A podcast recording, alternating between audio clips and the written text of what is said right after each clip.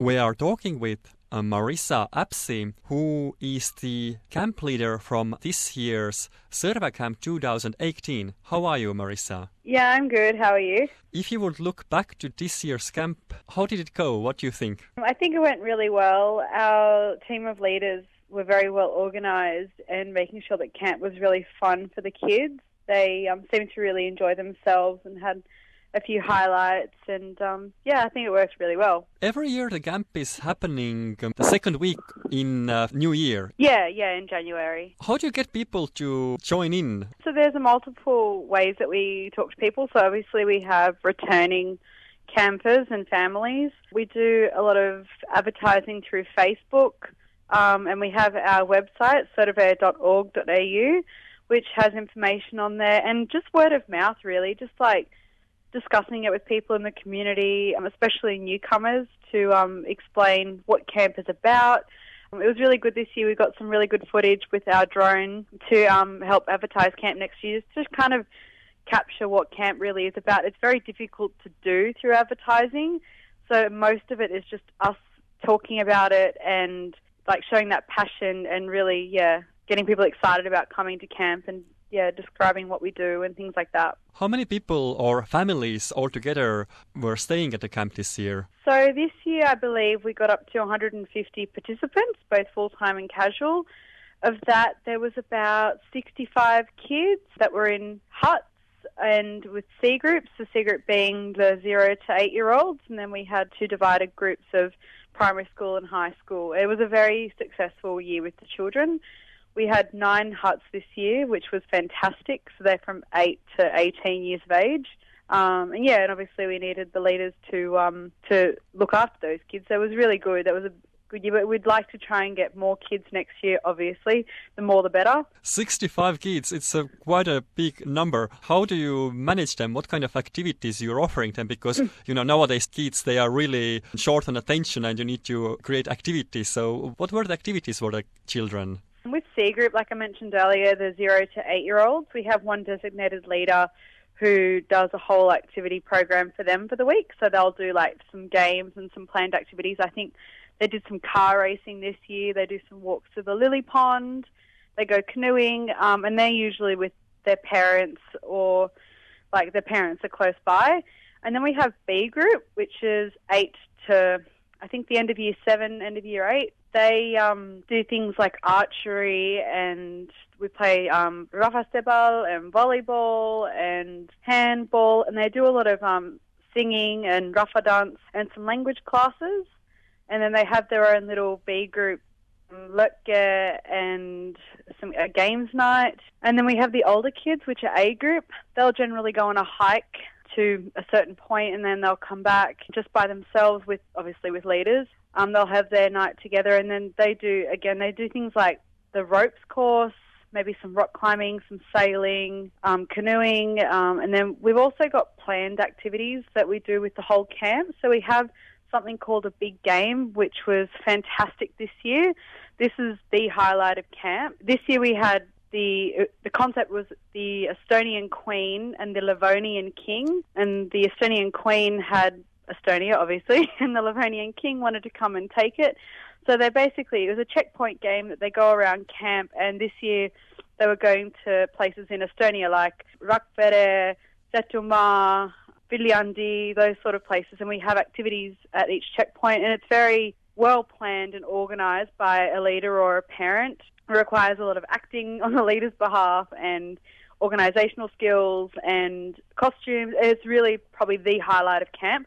We've had very like we've had it for many years since I was a kid. I've been going since I was like four months old. I can remember ones like Harry Potter, Lord of the Rings, Alice in Wonderland, Super Mario Brothers, just to name a few. They were fantastic. So, and we do things like theme night as well, where we'll have a theme and the kids have to do a skit in front of everybody else, which um which is themed and we all get dressed up for that as well and sometimes do a skit ourselves as the leadership group. We also do things like Gazidur for A and B group and C group, which is really fun. The kids love it. This year they made some jewellery pieces using pencils. It was very creative. Mm-hmm. We have a Gazidur leader that takes control of that.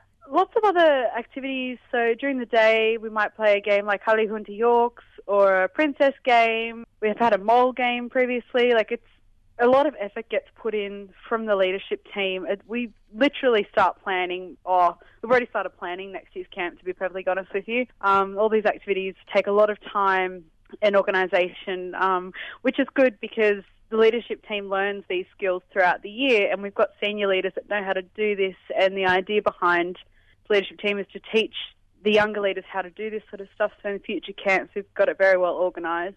You're saying that you have a big team behind it. How big is the team that, who is organising the camp? So we have the committee who does. It's a team of seven to nine people who basically does the fundraising throughout the year and helps like books all the dates and everything. And then we have a leadership team, which is what I'm the leader of. And this year we had 20 leaders, and that gets broken up between more experienced leaders. So we have the juhid and the Abba Yuhid. And every year we have a weekend planning meeting, and then we have multiple other meetings throughout the year to plan and make sure that everything's all in check. So the way that we work is that we'll get together, decide our list of activities for the um, the camp, so, like I said, like Holly Hunter Yorks, Princess Game, First Night Games, tabloids, all those sort of things. And then I'll allocate one or two leaders or even more to each activity. And then they, um, they go and plan it. And then, like, they'll use me as a resource to help them or some of the other senior leaders to help them. Like I said, it's a very time consuming, involved volunteer project that we do throughout the year, and it's really fun. We all really enjoy it. Um, we bond through doing it, and we have a very strong leadership team, and we work very well together. I think that's really important for a successful camp and make sure the kids are having fun. You mentioned there are a lot of activities now that uh, it seems like if you have family and you have kids, then kids should not feel boredom there. But still, do they have time to just to relax and play among themselves? Yes.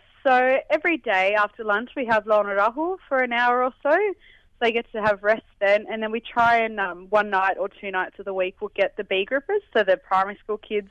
They'll get to go to bed a little bit early, and C groupers they can choose to be part of the activities or not, depending on how tired they are. We find that the older C groupers, like the five to seven year olds, absolutely love it, and they just have so much energy and they're never bored. But like I said, they do get a chance to rest and recuperate. And one of our um, best days actually is the last day on the Saturday where this year we had a walk and canoe to the point, which is it looks like Sõrve, which is why like in Esti, which is why it's called Sõrve. And that was really relaxing. And then in the afternoon, we had a um, cultural afternoon with the performances by the kids with singing and dancing. And that was just a really chilled day. And yeah, a lot of the families enjoyed that.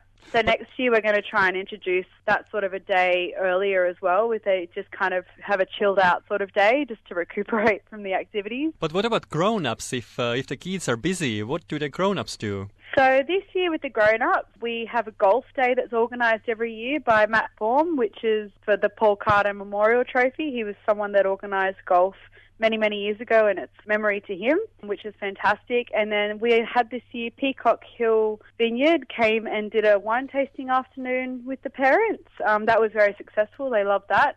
They also have the opportunity to do Estigare lessons with our Estonian teacher. They also can do a tennis competition. They get to do some instructor sports where time permits. That was really good. They did, um, I believe, ropes course and canoeing this year, which was good. And they also there's opportunities to play frisbee golf, which is this new game at Point Wolstoncroft, and they just generally party and they also get involved in the big game, which is fantastic. They help us make props and that sort of stuff, and they also get given one or two checkpoints that they make their own. So they kind of plan that this year. They um, were making pirukad at the checkpoints with the children, and that was really, really successful. They loved that. And then they also were involved in a checkpoint for Muhu, where they um, got to learn another Estonian song that they had to sing for our Estonian Queen. So that was really interesting. Yeah, they get involved quite readily. So it makes uh, the parents to interact with um, camp organizers and with different children as well. Yeah, yeah, definitely. Me and a few other of the leaders involved in different aspects of camp.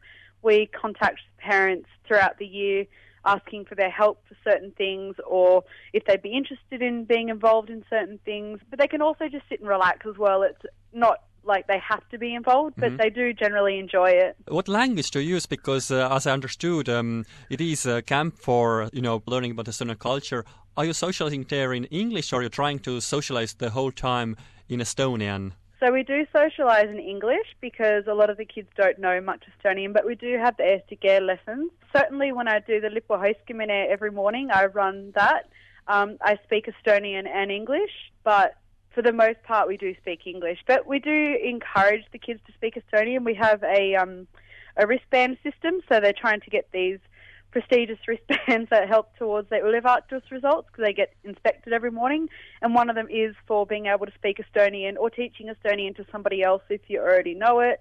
Um, so it is encouraged to speak Estonian. You said that you have been uh, involved with this camp already when you were a kid. What do you remember? Do you have any bright memories? I was four months old when I first went, so I probably wouldn't have memories from that age. But certainly as I was growing up, I think the biggest thing for me was the friendships that I developed over time. And like my best friend now, she and I went to camp together. We basically kidnapped her one day to come to camp when um, we were still in B group, and her and I developed a beautiful friendship from that.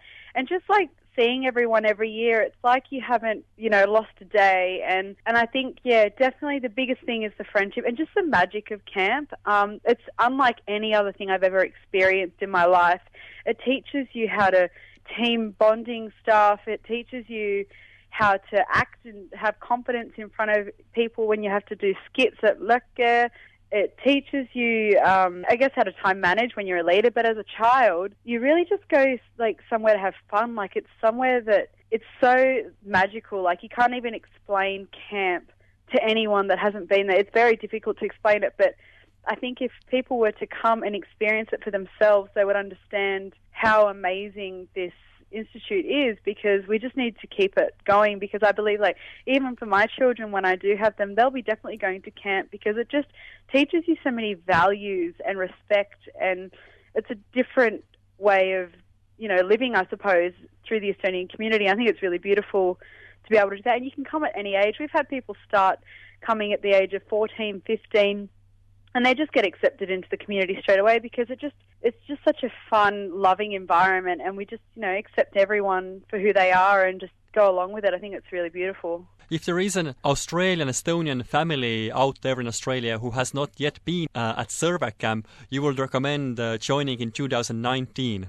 Oh, most definitely. Like I said, we've already started planning it. Um, I think it will be even better than this year again. Um, just so many ideas, and there's so many people that are so passionate about this camp that it just makes it amazing. Like you give someone a task that they're passionate about, it's you're going to end up with an amazing product. It would be a shame for people that are Estonian Australians not to come and like like yes the cost might be quite high but there's ways and means around that and I think it's worth it just to come and see even if you come for the weekend come and see what we're all about because I think it's so worth it to just come and be involved in this community, and it's once one week a year, and it's the my most favourite week out of the whole year. I look forward to it every year.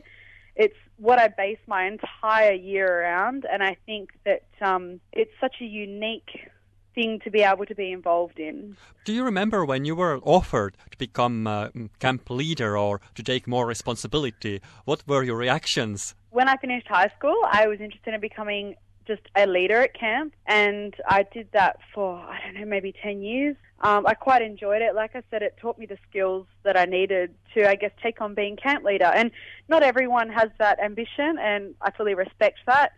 But I believe that I've got the skills to be able to do that.